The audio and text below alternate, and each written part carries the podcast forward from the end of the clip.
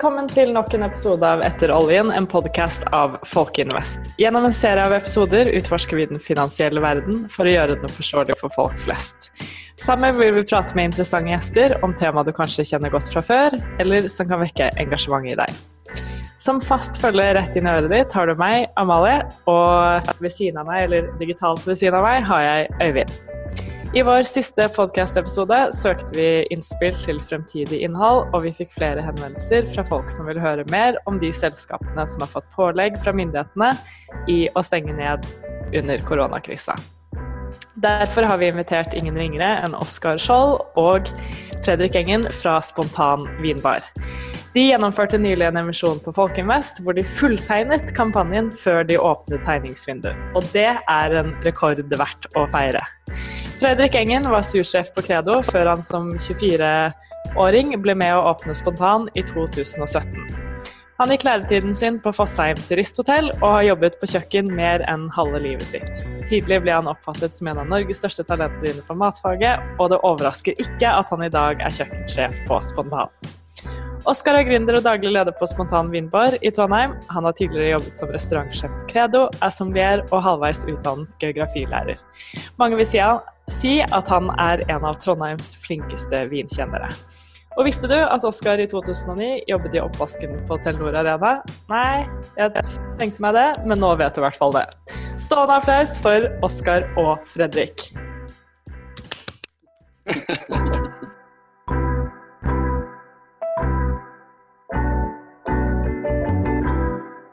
Ja, nei, det er helt strålende for en dag. Eh, det har jo vært en lykkens uke den siste uken etter at dere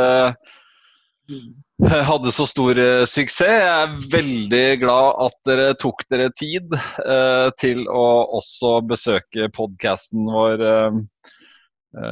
Selv om dere sikkert er ivrige på å komme i gang med å ta i bruk midlene som er henta inn.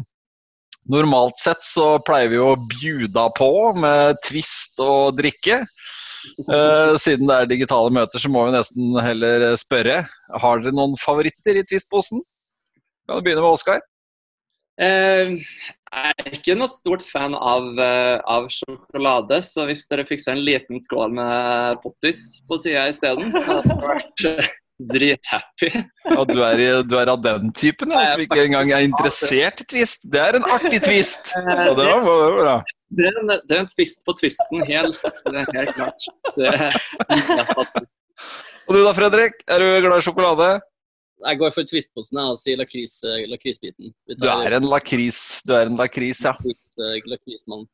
ja, det er godt å høre. Det er jo veldig favoritt i vår familie også, lakrisen. Og hvis du hadde vært på juleselskap hos familien Friis, så hadde du måtte vært ivrig når skåla ble satt fram, for da forsvinner lakrisen ganske fort. da. Plutselig er bare kokosbanan igjen, og da er ikke noe vits. Nei, nei, nei, men da er det viktig å opparbeide en viss kjærlighet for kokos og banan, for da har jo de for deg sjøl når alt andre er spist opp, vet du. Og på drikkesiden så er det jo nesten sånn at man uh, skal driste seg til å si at man ville jo tippa at dere var veldig interessert i den vinen vi virtuelt har satt fram, da. Men uh, det er vel kanskje for gærent å legge til grunn at man drikker vin i arbeidstida. Dere holder dere kanskje til kaffe og, og leskedrikk nå midt på dagen? De sånn midt på dagen, så nå har vi helt fantastisk kaffe, kaffe og vann. Lysbrent ja. etiopisk Nei, Rwanda tror jeg faktisk vi er på nå. Ja, ja, ja det kan jeg Etiopia er visstnok ut av sesong. En, Hvem er det dere får kaffe fra? Nå får vi kaffe fra Pala. Ja. Og Idar Ellingsen og Tore Øverleir som, som brønner kaffe her i byen. Helt strålende. Vi har til enhver tid benytta oss av Pala, Jacobsen og Svart eller Langøra. Så de lokale brønnene Vi har jo ikke anledning til å gjøre så forbanna mye lokalt på vinen enda. Men skal, det er en fin bro over til neste, for det er jo en lykkens dag! I dag, når jeg nå ser ut av det nypussa vinduet Jeg kjøpte meg nemlig vinduspusserrobot her forrige dagen, så nå har jeg jo nypussa vinduer. Og hvis jeg kikker ut nå, så er det noe så sjeldent i Trondheim som solskinn. Ja, det er ganske fantastisk. Ja, det var mangelvare det en stund her. Ja, det var det, vet du. Så det er jo en, eh, det er jo en ekstra lykkens dag. Har det skjedd noe spesielt spennende for dere i dag, da? Nei. Vi bestilt varer til åpning. Vi åpner på torsdag, så det blir, det blir veldig Det stas. å komme i gang med det. Hvordan Eh, kan folk, hvordan kan folk booke bord? Går vel på mail, ikke? Ja. Ja. Ta kontakt med Oskar på Snapchat, mail, Facebook, flaskepost. Brevdue. Instagram. Brevdue, Instagram. Nei, ta kontakt med meg på en eller annen måte. Eh, Hvis man ikke vet hvordan man tar kontakt med meg, så er det post.spontanvinbar.no. Ja. Er du fortsatt ledig bord? Fortsatt lederbord. Begynner å bli ganske fullt andre sitt på torsdag, men eh, både lørdag og tidlig torsdag har vi fortsatt noe tilgjengelig. Ja. Vi Da kan jeg nærmest garantere deg at etter denne podkasten er kjørt, så blir det stappfullt. satser på det. Vi kjører litt, uh, kjører litt kule ting òg. Vi skal ha dumplings på menyen til å starte med, faktisk. Ja. Dumplings og litt grønn curry med blekksprut og, og skje Ja. fra Vågå og litt sånne ting. Så det blir, det blir sprekt. Det høres ut som en frisk start på kapittelet igjen. Ble jeg sulten? Jeg har ikke fått spist lunsj ennå. Eh, greiene der hørtes ut som en eh, god plan. Det er nesten Ja, ja. som å bringe frem en sånn sikkel i episoden, men det leder meg inn til at jeg tror vi skal gå inn i neste, neste fase. Så da spiller vi en liten jiggle. I hver episode så ønsker vi at våre gjester skal fortelle en historie. En opptur, en nedtur. Kanskje dere har gjort en dårlig investering, en god beslutning, eller dere bare har en forbanna god historie. Unnskyld eh, banningen, det hører ikke hjemme i en podkast-episode. Eh, har eh, dere begge to en historie som dere ønsker å dele? Morsom, eh, morsom historie å dele. ja. Ehm, hvis det er noen som har prøvd å servere lutefisk på fatservering noen gang, så vil jeg absolutt anbefale folk å ikke gå for fort. Fordi altså, det som skjer når du har, når du har lutefisk på et brett, er at det til tider kan være fryktelig glatt. Eh, laget mellom lutefisk og brett. Eh, det skjønte ikke jeg helt første gangen jeg, som jeg serverte lutefisk på, på fat. Så jeg skulle ta en sånn brå sving. Og jeg ble med i svingen, brettet ble med i svingen. Et godt stykke med lutefisk ble ikke med i svingen. Gikk i katapultfart rett frem traff skinnet på en fyr i dress. Deilig. Hva gjør man da? Sier man bare unnskyld, på en måte? Eh, nei, du blir jo helt, du blir jo helt satt ut. Du, ikke, du aner jo ikke hvordan du skal reagere på noe sånt. Den måte, endelige måten å gjøre noe med, med det, er jo å åpne en vinbar hvor man aldri serverer lutefisk. Så ikke i den samme situasjonen igjen. Jeg vet ikke hva vi skal få Det, det var eh, tidlig i servitørkarrieren, det var vel 2010. Det var Nei, det var seigt. Nei, det var dress på rens og litt uh, div-div uh, smøring uh, av vedkommende etterpå. Ikke gøy. Det er gøy i ettertid. Ikke så gøy bare da. Fredrik, har du en historie? Uh, ja, det har jeg jo. Uh, det er jo jule, uh, julebordet her òg, da, skulle jeg til å si. Ja. Som alltid. Men eh, det her handler om allergi, da. Eh, Ja. Det var jo ei dame som, som trodde hun hadde glutenallergi. Mhm. eh, og fått alt glutenfritt gjennom hele måltidet. Det var et stort bord på seks der, da. Um, så hun hadde jo reagert på det, da. Og vært på do og liksom fått ødelagt hele opplevelsen sin. Og tjoe da. Og når sånne ting skjer, så får du jo rimelig kjeft. Fordi at du har jo stått på stasjonen og har ansvaret. Ja. Heldigvis for meg, da, en uke etterpå, så kom jo hun tilbake da, og forklarte det at uh, grunnen til at hun hadde reagert, det er jo fordi at hun var allergisk mot tanninene i vinen. Så eh, en, en uke med, med litt sjokk for min del var, det var nok, det, altså. Ikke noe gøy i det hele tatt. Men det, er kjipt. du har jo, jeg kjenner jo deg litt også personlig, og du har en helt fantastisk historie som jeg bare må høre på nytt igjen. Jeg, den må i hvert fall deles med omverdenen, og det er den derre blokkfløytehistorien. Kan du være så snill å fortelle den også? Det er jo også julebord, da, for så vidt. Jeg bare Vet det? Ja, nei, det var jo faktisk et sånn timannsbord, det. Um, hvor de hadde litt sånn jubileum og tjohei. Uh, og han hadde jo faktisk hatt med seg en drill inn i restauranten, som ingen av oss hadde med seg, og en egen gulrot. Han uh, drilla jo ei blokkfløyte mellom slagene og, og droppa en liten sving for hovedretten.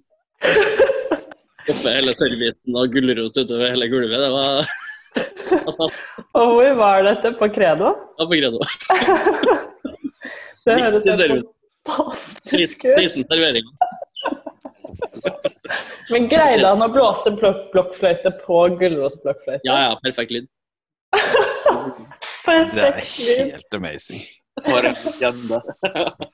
Ja ja. Nei, folkens.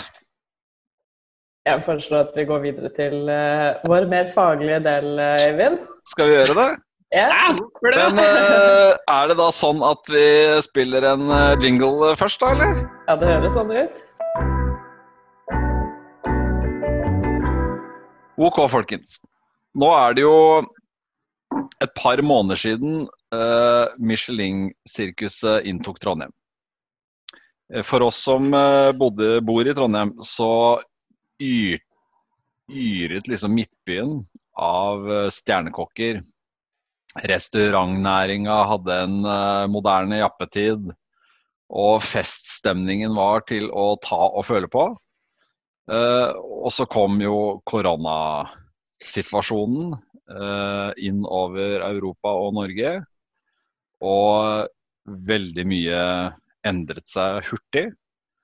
Eh, også for restaurantnæringa som dere representerer. Jeg kunne gjerne tenkt meg, slik at lytterne kommer inn i en faglig modus, at dere kunne fortalt litt om først tiden eh, før korona. Hvordan liksom deres bedrift har sett eh, muligheten til å etablere noe nytt i Trondheim. Hvordan eh, utsiktene var, og så den følelsesmessige endringen gjennom at man blir pålagt å stenge ned virksomheten. Kan dere si litt om hvordan dette her har forløpet seg? Altså, når vi stengte, så var jo vi på en måte da hadde jo, Vi var jo på vei til å gå i pluss der. Vi hadde jo alt på stell og fulle hus og liksom ordentlig uh, blitt med på den, eh, den trenden her nå, hvor eh, folk går ut og spiser, og det er Trondheim og det, det er oss, liksom. Så det er veldig vanskelig å det, det er veldig rart å, å plutselig stenge ned da, og så plutselig skal alt gå i dass. Mm. Um, og man eventuelt skal jobbe i tre år til for å få overskudd. på en måte. Det, det er ganske surt. Ja. Så, så Men hvordan så er det den Trond situasjonen i Trondheim nå. Hva er det liksom Man snakker om uh, mat... Hvorfor i all verden er det så mye uh, bøss rundt Trondheim og restaurant, mat og vin? Jeg tror at eh, eh, det stammer jo fra Jeg tror veldig mye stammer fra de råvarene som du får i, i eh, nærområdet her. Mm. Som har blitt eh, Vår gamle sjef i Heidi har jo kanskje vært en av de som har snakket aller høyest om det lengst. Så mye av den boosten som har kommet rundt det, er grunnet eh, takket være, takket være bl.a. Heidi, men også veldig mange av de småprodusentene som er i, i nærområdet, som hun også har vært med på å, på å løfte opp. Og når du Eh, snakker om Heidi, så snakker du om Credo, for de som ikke bor i Trondheim. Men vi har jo alt av både um, fra fjell til hav til altså alt av mark. Altså vi, vi har jo mat Matregionen Trøndelag er så svær, og det er så mye bra at uh, vi har veldig mye bra å jobbe med. Men mathovedstad er jo veldig å ta i. da. Det er jo Mm. to år nå så har jo alt gått oppover i Trondheim, for det er mye som har åpna, det er mye nye Mm. kule ting. Um, det, det vil jo si at vi har fått veldig mye oppmerksomhet. Det har vært en sånn helt eventyrlig ja, En slags eksplosjon blant ambisiøse restauranter Mm. i, i Trondheim. Jeg tror mye av den statusen som Trondheim, eller som Norges mathovedstad har kommet fra at det har skjedd så sinnssykt mye på så kort tid. Mm. Og at man nå også ser at mm, alle de, i hvert fall pre-korona, klarte klarte å drive eh, klarte å drive business på det i, i tillegg. Mm. Eh, når jeg flyttet hit i 2014, så var det ikke noen særlig interesse for det å gå ut og spise i det hele tatt. Hvis man skulle gå ut og spise, så var det hovedformålet ved å gå ut og spise, det var å spise seg mett. Det, var, det er selvsagt noe som fortsatt må være en del av alle restauranter. Jeg har brukt, jeg har brukt oppimot 4000-5000 kroner og gått rett på Narvesen etterpå. Det er en dårlig, en kjip opplevelse. Ja. Men jeg tror mye av det kommer fra at eh, det er så mange restauranter som har åpnet, som har vært opp og nikke i, i aller høyeste toppkvalitet. Og at man Mm. ser at alle de klarer i tillegg å drive, drive business, sånn at Mm. du får eksponert deg til veldig mange personer på veldig kort tid. Har Mm. også gjort et eller annet med holdningen til folk flest. Det har blitt en helt annen kultur rundt det å gå ut og spise, fordi tilbudet er der. Og om det er gå på spontan og drikke et par glass vin og spise noen snacks, spise full meny her, eller ta en full pakke i speilsalen, eller Røst eller Credo, så er Du får bra ting i alle, på alle Ja. nivåer. Og vi så jo at det gikk veldig, veldig bra for alle sammen. Ja, for du skulle jo tro det at, eh, at de hadde de samme råvarene allerede på eh, starten av 1900-tallet som man har i 20, 2020. Så det må jo være noe med hvordan man eh, bruker råvarene også som har, eh, som har hatt en utvikling.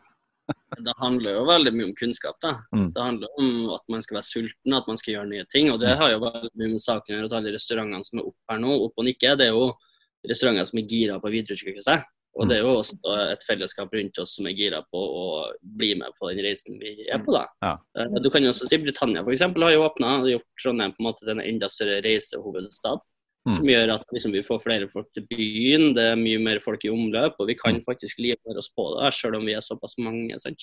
Ja. Det er ganske kult. Ja, det er det. Og det er attraktivt, kom- å, ja, attraktivt å komme til Trondheim både for eh, det, før, altså som vi snakket litt om da vi Da jeg flyttet til byen i 2012, så var det sånn det eneste nesten kule sted du kunne spise i byen, da, med fare for å tråkke på noen, så sier jeg at min uvitenhet sier det. Men det eneste kule stedet jeg syns det var på den tiden, da, var liksom Credo. Men i dag kan Mm. du liksom ha en full langhelg da, med kule nye steder du spiser på hver dag, og det er jo da gjør du byen til et mye mer kjært uh, uh, turistmål også, da. Eller sånn jo, altså, vi opplever jo veldig ofte at eh, folk bruker jo spontane f.eks. før de skal til Røst eller Credo eller Fagn eller whatever, og skal liksom bruke liksom litt mer penger. da. Mm -hmm. uh, og vi er jo det litt mindre siktet hvor du faktisk kan komme inn uten at du trenger å tenke på at du skal bruke ekstreme mengder. Mm. Eh, så vi har folk som liksom kommer hit og tar et par retter eller litt snacks og litt vin, og så reiser videre f.eks. dit. da. Ja. Ja. Så det er jo en kollektiv greie, tenker jeg. Men så må dere også fortelle om I januar eller februar, eller jeg husker ikke helt når det var, så ble jo også eh, spontan tatt inn i White Guide.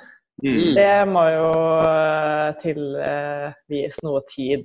Kan dere fortelle om liksom hvor høyt Når vi åpna, så um, var jo altså White Guide var jo to år var slått sammen. Da, Men White Guide, folkens, det veit vet ikke alle vet hva er for noe. Så det, først må dere da forklare hva det er for noe, hvis man skal ha, snakke om det.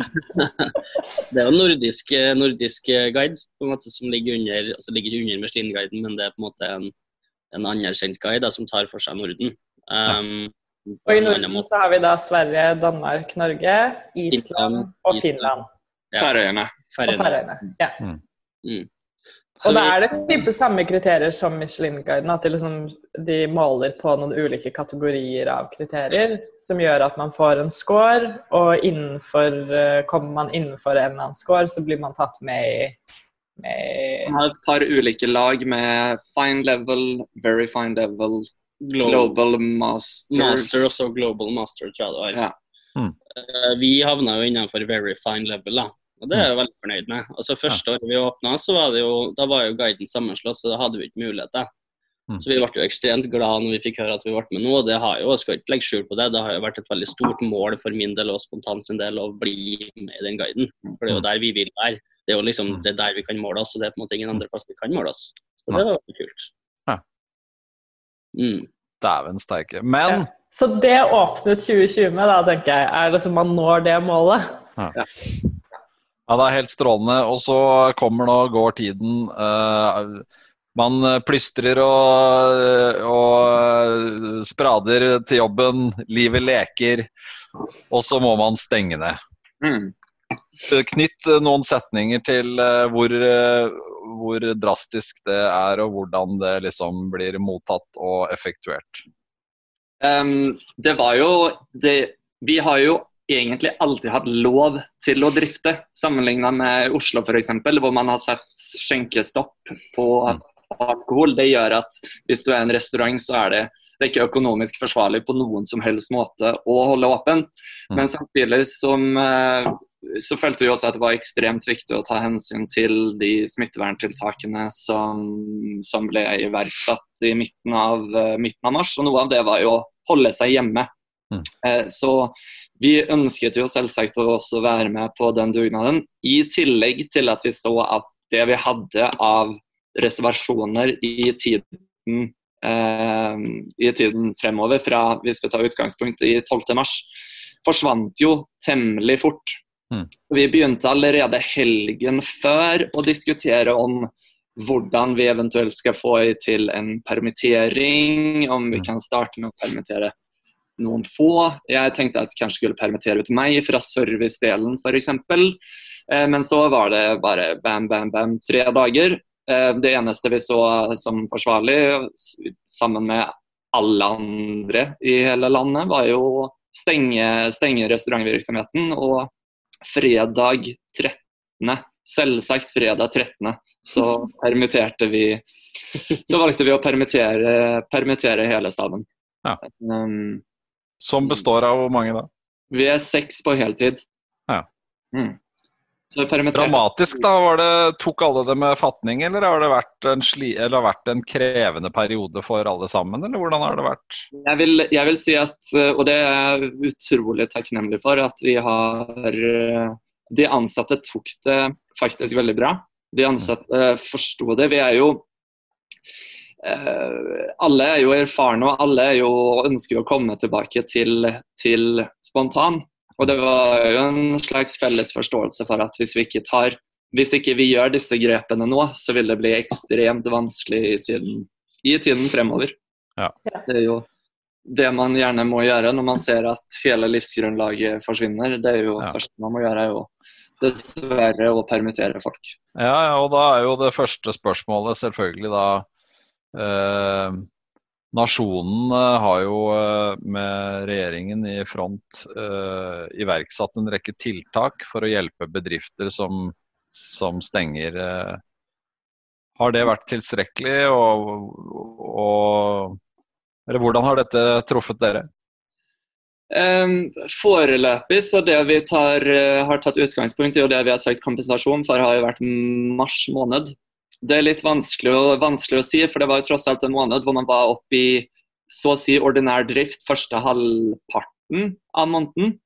Eh, så det skal jo Vi har fått kompensasjon, og det dekker jo jeg forstår jo at restauranter må tenke kreativt og finne nye løsninger. For kompensasjonsordningen alene er ikke nok til å dekke de utgiftene man har. Selv en måned hvor man ikke har noen måte, løpende utgifter annet enn de uunngåelige faste. Mm. Uh, vi, det, blir veldig, det, blir litt, det blir interessant å se i april måned. I april har vi hatt vesentlig lavere omsetning i prosent uh, sammenlignet med april i fjor, kontra mm. hvordan det var nå i mars. Mm. Da blir, det, da blir det interessant, og, interessant, å se, men det er, absolutt, det er absolutt behov for at man tenker kreativt og finner nye måter å tjene penger på, for ellers så blør du penger. Ja. ja. Hvordan er det dere har eh, tenkt kreativt på løsninger? Takeaway. Takeaway har vi uh, fått på. Det har, faktisk, det, har ganske, det har, gått ganske, bra. Så der har vi fått dekket ganske stor, en ganske stor del av det måte, hullet som blir i, i omsetningstap. Oskar har jo også hatt uh, vinkurs ganske hyppig nå, som har vært relativt bra besøkt. Altså. Så mm. det har vært kult. og Det er jo noe for å, alle på en måte å holde seg og det å holde seg i sving er jo like mye å si som å mm. faktisk gjøre noe. Men det har vært ganske bra tiltak sånn sett. Mm. Hvordan holder man uh, vinkurs digitalt da, Oskar? Det, det, du gjør da, er at du, eh, du lager uh, du lager en profil på en bruker på et eller annet sted hvor du kan selge billetter. Så oppretter du en eller annen slags, slags streamingtjeneste. Så lager du et kompendium hvor du skriver litt om uh, det du skal snakke om, sånn at folk kan sitte igjen med noe faglig etter at man har smakt vin òg. Og så sender du ut en liste som er anbefalte viner som folk kan kjøpe inn på polet. Det er da de vinene som jeg vil smake under en sånn under en sånn type smaking, men det er absolutt ikke noe krav at man skal bli med på, på akkurat det. Jeg prøver å snakke om de vinene konkret, men jeg prøver i fremfor alt å ta imot eh, de spørsmålene folk har, og snakke om temaet litt mer overordna. Mm. Sånn at det er tilgjengelig for, for alle og enhver. Og nå er jeg snart oppe i Det er vel uke seks nå med rosévin som Seks eller sju, jeg, jeg, husker, jeg husker ikke. Ukene bare Suser forbi. ja. Ja, ja. Men, altså, uansett, vi kan jo For å gjøre en lang uh, historie kort. Uh, vi møttes. Uh, dere bestemte dere for å forsøke å gjennomføre en kapitalutvidelse i samarbeid med Folkinvest. Og så skal jo ikke dette være en reklamekanal hvor fortreffelig flinke Folkinvest er, så vi trenger jo ikke å gjenta det. Men det går jo an å, jo an å si litt om hvordan dere har opplevd prosessen med å invitere inn eh, folket på eiersiden. Si litt om eh, prosessen og, og det opplevde resultatet. Det, det gikk jo det jeg syns var Når jeg tenker tilbake på at vi klarte å få til alt det vi, vi, fikk til på 19 dager fra første gang vi hadde møte til at vi faktisk hadde åpnet kampanjen og at kampanjen var fulltegnet, så bratt læringskurve. Herregud, jeg har lært meg mye på den, på den tiden her. Ikke bare i liksom, hvordan man bygger opp hele presentasjonen og hva man må ha med i den, som jo er ganske omfattende, omfattende saker. Altså alt fra økonomiske begreper til ja, hvordan prøve å ja, se ting fra så mange sider som mulig. Så jeg opplevde det som en veldig positiv prosess. Ikke bare ja, at vi klarte å få til en kampanje som ble så eh, som gikk så bra, rett og slett. At vi mm. klarte å innhente det ønskede kapitalet før det åpna, men også ja, at prosessen i å få inn nye aksjonærer mm. og få spredd den entusiasmen som vi har for spontan over på så mange, mm. og at det har vært så stor interesse. Mm. Um, det er vilt at så mange girer i sjappa vår. Det vil jeg, det ja. si. Det er kult. Ja, det er ganske det er kjempekult. Altså. Det var helt rått. Ja. Tenk dere en del av Et av spørsmålene vi får oftest av potensielle kunder, er Uh, hvor stort er problemet å ha mange aksjonærer? Hva tenker dere til det? Jeg ser ikke for meg at det skal bli Det blir en logistisk utfordring å få til generalforsamling med 82 aksjonærer. Men det vet jeg at man får til. Uh, nå som vi sitter og spiller inn denne podkasten, så gjør vi det over Zoom. Og allerede der har du på en måte knekt mye av, mye av løsningen. Mm.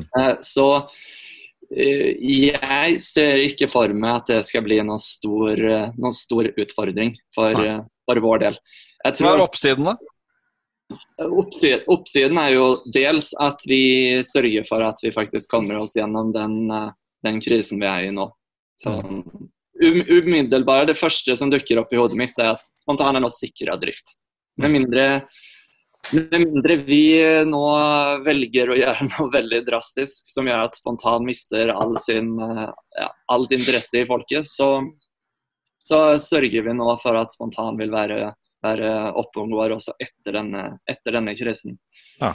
Eh, det andre er jo at vi i tillegg har fått inn 75 nye personer som vil være ambassadører for Spontan som også vil være med på å kunne videreutvikle spontan. I at mm. vi som sitter med, med, med, eierposter før emisjon i spontan, er jo i restaurantbransjen. Og vi er fryktelig gode på restaurantøkonomi og hvordan drive og hvordan lage mat og hva slags type vin som skal matche sammen med det. Mm. Men også det å få inn aksjonærer som La oss si at vi får en aksjonær som er dødsgod på eh, La oss si Markedsføring. Ja. Um, som ser hvordan vi gjør markedsføring, og kan komme med innspill på ja, men har dere tenkt på det forumet der, f.eks. Mm. Og hva det kan bety ved å nå ut til, til den basen. Mm. Eh, det kan også gå på ja, alt som er av kontakter med kontakter, kontakter med folk. Eh, jeg vet ikke, kanskje noen som jobber i reiselivsnæringen som har lyst til å prøve å få til noen vinturer sammen med Spontan i Spontan sin regi, og kan sette opp det. Det er umulig å, umulig å si allerede nå, men eh, der ja. åpna det opp den forretningsideen også. jeg burde, burde bare trademarke alt jeg sier Det er så mye genialisk så genialt så genialisk, genialisk ja. Der har du ditt ord også. Vi får håpe det ikke blir årets ord i, i år. Men jeg tror da uansett at uh, de 75 aksjonærene, etter å ha vært i både liksom, har jeg jo et uh, personlig forhold til dere tidligere, men sett hvordan dere har samarbeidet med mine kolleger, da, så har dere jo imponert meg stort i, i den prosessen. Mm. Uh, og således tror jeg at de 75 aksjonærene kommer til å være med på en veldig spennende reise fremover. da. Jeg mm. tror uh, de vil få et spennende innblikk i en bransje som jeg tror ordinært sett liksom, har vært liksom, forbeholdt folk fra bransjen. Da.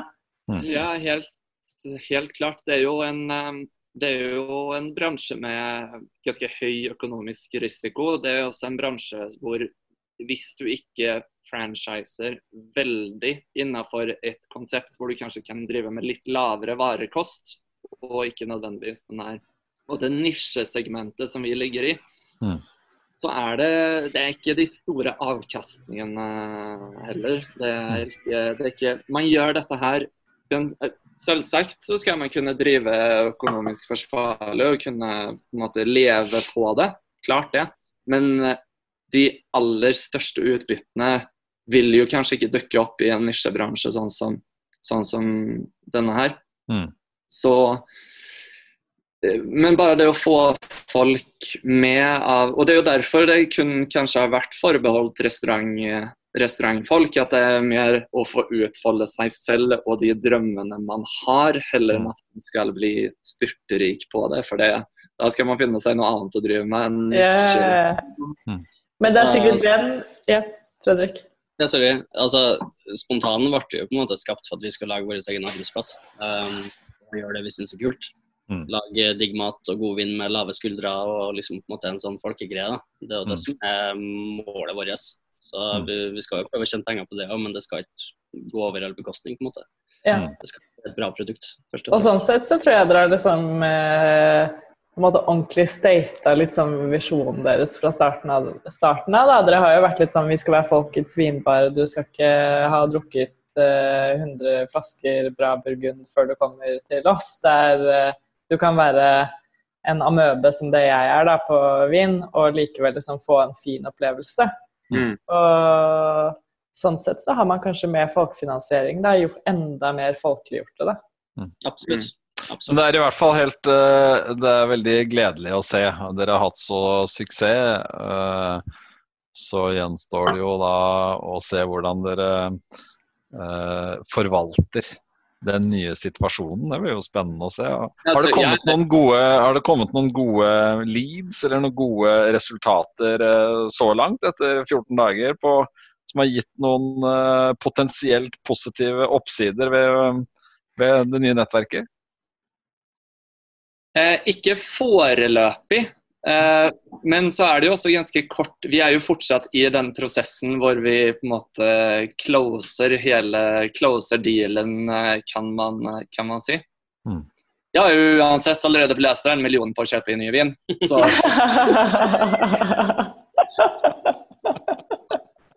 Nei da. Nei, nei, nei, nei. Jeg har ikke det. Jeg har ikke det.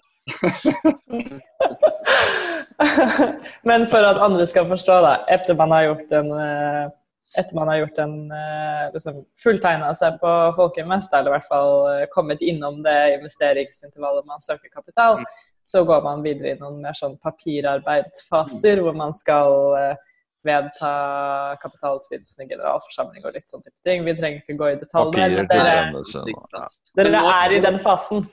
Vi er fortsatt i den fasen, men det som også det som blir veldig spennende, er jo den fasen nå hvor vi når ut til de, alle de nye aksjonærene. og Det er jo Mm. på en måte neste ting som vil eh, skje. Eh, Mm. som, hvor vi rett og slett vil spørre ut hvordan ønsker dere å involvere dere Mm. i prosessen. Ja. Skulle jo tro det at eh, det er sånn F.eks. at eh, nå ønsker man å Jeg er jo, som dere hører, eh, jeg lager Grandiosa. Jeg er på det nivået, liksom. Men, eh, men det må jo være mulig også å få nytt nettverk til komme i kontakt med distributører eller selgere eller bønder eller råvarer, altså produsenter av forskjellige best mulig lead, så kan det jo selvfølgelig hende at, at bransjer som deres har, har det perfekte kontaktnettet, men, men ser ikke bort ifra at, at eh, nye importører eller at, no, at eh, man får litt øya opp for det dere holder på med, og som gjør at man får lettere tilgang da, gjennom et bredt nettverk. Du har jo alltids eh, en aksjonær som har en bestemor som driver med honning, liksom. Altså, Ja. Det er jo alltid noe nytt og kult man kan Mm. komme fram til. Så det, Ja. 70 andre personer å sperre med er fint, det. Ja. Mm. Og Vi er jo så unge og naive at vi tror jo at vi har knekt koden på alt i livet enda, men hver gang vi gjør nye ting, så finner vi ut av at nei, men det er jo masse nye ting som er vi, vi kanskje tror at vi har alle de, alle de leverandørene vi trenger nå, men det er jo selvsagt ikke tilfellet. Vi må bare oppdage de, og at da få oppdage de sammen med 75 nye personer som har sine, som har sine kontakter, tror jeg vil være en, en eh, sykt kul prosess. Mm. På tampen av det faglige, uh, har dere tenkt på å, å Hvilke muligheter det gir med tanke på å utvide eller å starte vinsjapper nye plasser, eller har dere tenkt på sånne ting, eller? Jeg har fått ganske mange spørsmål de siste ukene om når vi skal fe Ikke hvis, men når vi skal franchise til Oslo. Ja. Det får tiden vise. Det blir spennende å se. ja. rett og slett. Eh, per nå så er vi ganske happy med hvor vi er. Og Ja, altså, en grunn til at spontan er spontan nå, er jo for at det er vi som jobber. Det er jo Ja, også, kan si. Så, Det sånn det. Men det blir spennende å følge dere i hvert fall. Jeg tror vi øh, går mot slutten av den faglige biten, øh, Amalie. Det gjør Og da er vi over på En liten jingle. Som siste del på programmet så tenkte vi å stille dere et par spørsmål som vi har fått inn fra våre faste lyttere. Tenker å avkorte det litt og stille ett spørsmål. For vi går jo inn i en periode nå hvor man, som dere indikerer, har muligheten til å åpne opp litt igjen. Og så vet vi jo ikke helt hva tiden fremover vil eh, bære med seg. Men hvordan kan kunder støtte deres favorittrestauranter i tiden fremover? Da? Litt sånn uavhengig av hvilken status det er, om det er helt lukket eller om det er litt åpent. Eh, Det er jo flere tiltak restaurantene gjør, men hvordan er det best å støtte sine lokale restauranter? Det meste må, altså det beste er vel komme og spise, da. Det er jo på en ikke noe annet å si. Altså, det beste er å komme og spise og bruke pengene der og da. Litt sånn som har snakka med gavekort, for at det er viktig at du har en cashflow. Men eh, til oss så vil vi bare at folk skal komme. Og i det så tror jeg det er ganske viktig å poengtere at de reglene som nå har blitt satt for hvordan man kan drifte, de vil bli ivaretatt så til de grader av alle som nå velger å åpne opp litt og litt. Mm. Så vi har en makskapasitet på 65 gjester. Vi kommer sørge for at vi ikke har mer enn 15 gjester av gangen. Mm.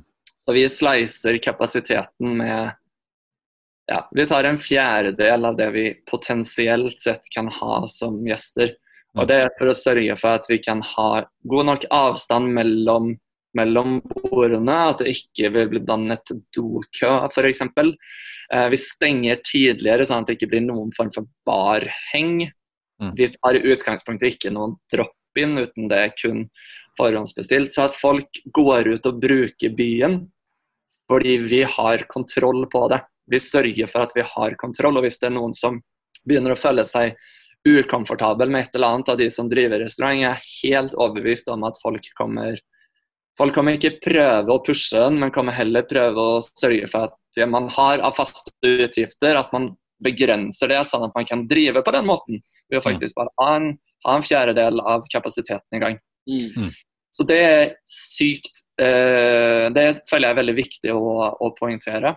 Mm. Det man ellers kan gjøre, er jo å kjøpe takeaway. Det er fortsatt veldig mange som tilbyr takeaway. Og for de som fortsatt ikke ønsker å gå ut og spise, hvilket jeg har forståelse for, så kan det være en mulighet for å få restaurantene hjem, hjem til seg selv. Ja. Og så er det om å kjøpe gavekort og booke frem i tid. Familien vår har jo levd på Blakstad Hegstad i øh, en måned nå. Ja, ja, jeg tror det er noe nær sagt every day. Ja, det er helt, eh, det er helt strålende. Så. Og så begynne å planlegge, begynne å planlegge ting.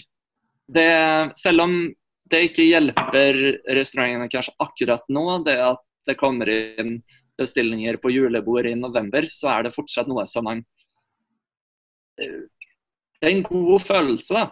Mm. Og at folk allerede nå begynner å se litt fremover i tid, Mm. tror jeg. Ja, absolutt. Altså, jo mer bookinger vi får, jo, jo, da kan man jo vite liksom, hvordan kapasitet man faktisk kan kjøre på med fram i tid. også, da. Mm. Ja. Altså, at, at, alt etter restriksjonene, selvfølgelig, da, men altså, det er jo en veldig fin måte å, å faktisk eh, planlegge på. I Mm. alt fra bemanning til innkjøp av råvarer, så er det jo veldig veldig gunstig å ha den forutsigbarheten i at folk faktisk har booket bord. Mm. Ja. Så book frem i tid er uh, siste frem i tid Ja. er siste. Bra. Jeg tenker nå som eh, både Twisten og den virtuelle potetgullet eh, er eh, så å si spist opp, og eh, den brusen eller vinen eller kaffen vi ellers hadde servert, er drukket opp, så er det på tide å gå inn for eh, krasjlanding. Og så, som en siste del på programmet, så ber vi alltid en av gjestene våre om å stille et spørsmål til neste gjest som kommer. Eh, så jeg lurer på om du har et eh, spørsmål til vår neste gjest, Oskar? Tenk, det kan være Det må jo være 'Har du hørt om spontan vinbar'?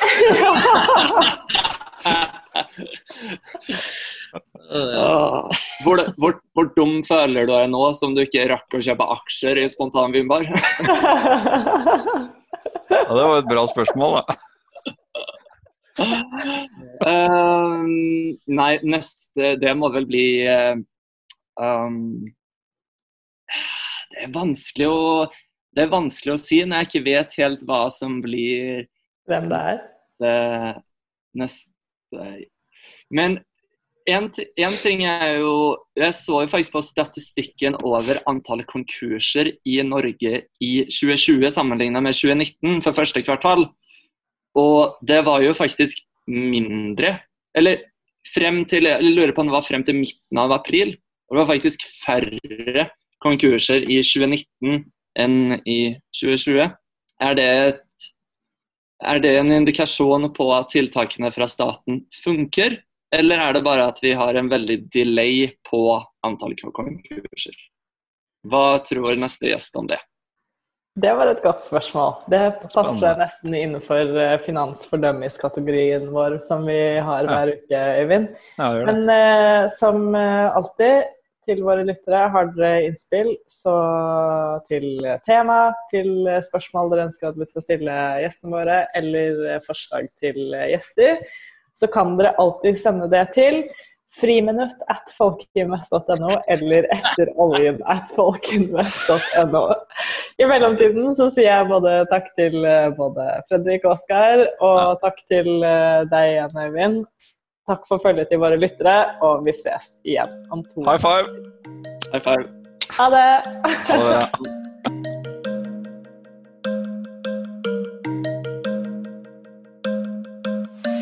Du har nettopp hørt en episode av Etter oljen, en podkast fra Folkinvest.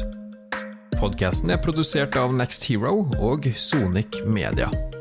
Husk å abonnere på podkasten i din favorittpodkast-app, så får du neste episode rett i appen.